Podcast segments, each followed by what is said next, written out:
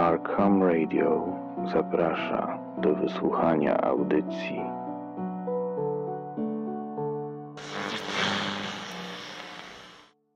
Listy z okopów. Tajemnica świętego Idesbalda. Moja ukochana Weroniko. Po pierwsze, wiedz, że jestem bezpieczny w murach ośrodka pani Niny. Proszę cię, przeczytaj mój list w całości. Postaraj się zrozumieć i nie daj się zwieść słowom Daniela. Obawiałem się, że podróż statkiem do ojczyzny będzie dla mnie nie do zniesienia. Miałbym spędzić wiele godzin, wiedząc, że pod pokładem znajdują się nie tyle zwłoki, ale jakieś obce ciała. Na szczęście Filip przekonał mnie, że nie mam się czego obawiać, że to tylko mój umysł płata mi figle, szukając mrocznych sekretów tam, gdzie ich nie ma. A liczy się to, że tylko ta podróż dzieli mnie od domu. Podróż rzeczywiście minęła spokojnie. Mój niepokój zmienił się w pewną ciekawość. Spędziłem całą podróż siedząc pod ścianą, za którą znajdowały się ciała. Aż głupio mi teraz przyznać, że kiedyś wydawały mi się obce. Przecież to moi towarzysze. Skupiałem się, by usłyszeć od nich słowa otuchy lub rady, jednak zagłuszały ich głosy marynarzy. Choć majtkowie narzekali na wyjątkowo mroźne wiatry, ja czułem tylko przyjemną, ciepłą bryzę. A kiedy przymykałem oczy, miałem wręcz wrażenie, że słyszę odległy śpiew. Prawdopodobnie mój umysł snuł fantazję na temat Pembroke i ośrodka pani Niny. Wtedy, na statku, jeszcze w pełni nie wiedziałem, co mnie czeka, kiedy już tam trafię. Ale teraz, po tygodniu spędzonym pod czujnym okiem sióstr zakonnych, przekonałem się, że było to moje zbawienie.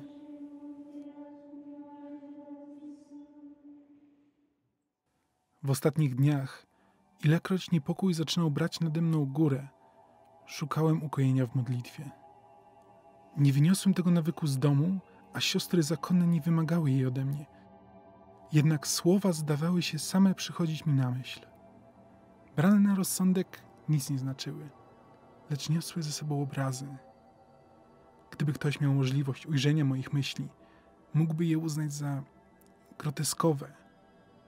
We mnie jednak wywoływały tylko wspomnienie domu. Choć nie naszego domu, Weroniko, nawet nie innego konkretnego budynku, lecz jakby czystej idei domu. Miejsca z dala od zgiełku, ludzi i tych, którzy nie rozumieją. Gdzieś w głębinach, gdzie rozlega się kojący, wszechobecny szum fal. Miejsca, gdzie moglibyśmy być razem, tylko we dwoje. Boję się jednak, że Daniel zechce mi stanąć na drodze. Staje się, że nie akceptuje innej wizji osiągania spokoju ducha niż ta, którą sam oferuje swoim pacjentom. Ile razy słyszałem, jak żąda wypuszczenia mnie z mojego pokoju, gdzie tylko praktykowałem ćwiczenia zasugerowane przez samą Ninę, aby wyzbyć się resztek agresji, do której przyzwyczaiła mnie wojna.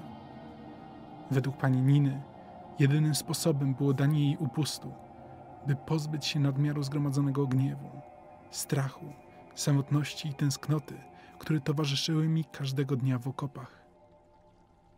Pani Nina słusznie zauważyła, że dopóki tego nie zrobię, będzie za wcześnie, abym mógł widzieć bliskich. Dopóki nie zaleczę wszystkich negatywnych wpływów wojny na mój umysł.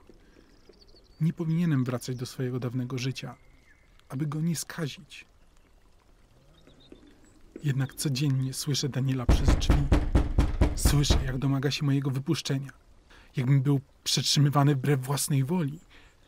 Słyszę, jak nazywa praktyki pani Niny nienaturalnymi, jakby było coś nienaturalnego w dawaniu upustu własnym instynktom.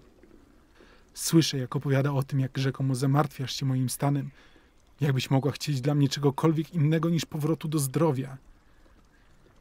Daniel nazywa mnie agresywnym, bo nie rozumie, jak się zmieniłem. Spędził ostatnie lata w spokoju na swojej ciepłej rezydenckiej posadzie. Nie rozumie, co dzieje się w mojej głowie. Ale pani Nina rozumie. Pani Nina mnie akceptuje. Większość jej podopiecznych przeszła przez to samo co ja. Niekiedy nawet więcej. Czasami spotykamy się na wspólne sesje. Daniel nazywa je brutalnymi. Ja nazywam je naturalnymi. Dlatego proszę cię, Weroniko, nie daj się zwieść Danielowi. Wiedz, że to wszystko dla mojego dobra. Dla naszego dobra. Czuję, jak coś wzywa mnie do domu. Kiedyś cię tam zabiorę. Na zawsze twój Greg.